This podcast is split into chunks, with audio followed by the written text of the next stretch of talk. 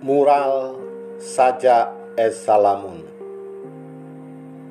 Mural tidak bicara sendiri, tidak bicara untuk dirinya sendiri.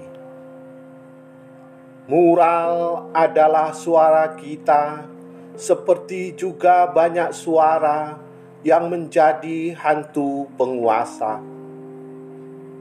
Mural adalah warna-warna kegelisahan, begitu menyilaukan di mata tuan-tuan.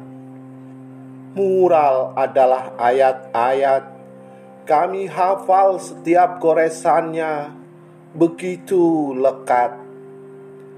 2021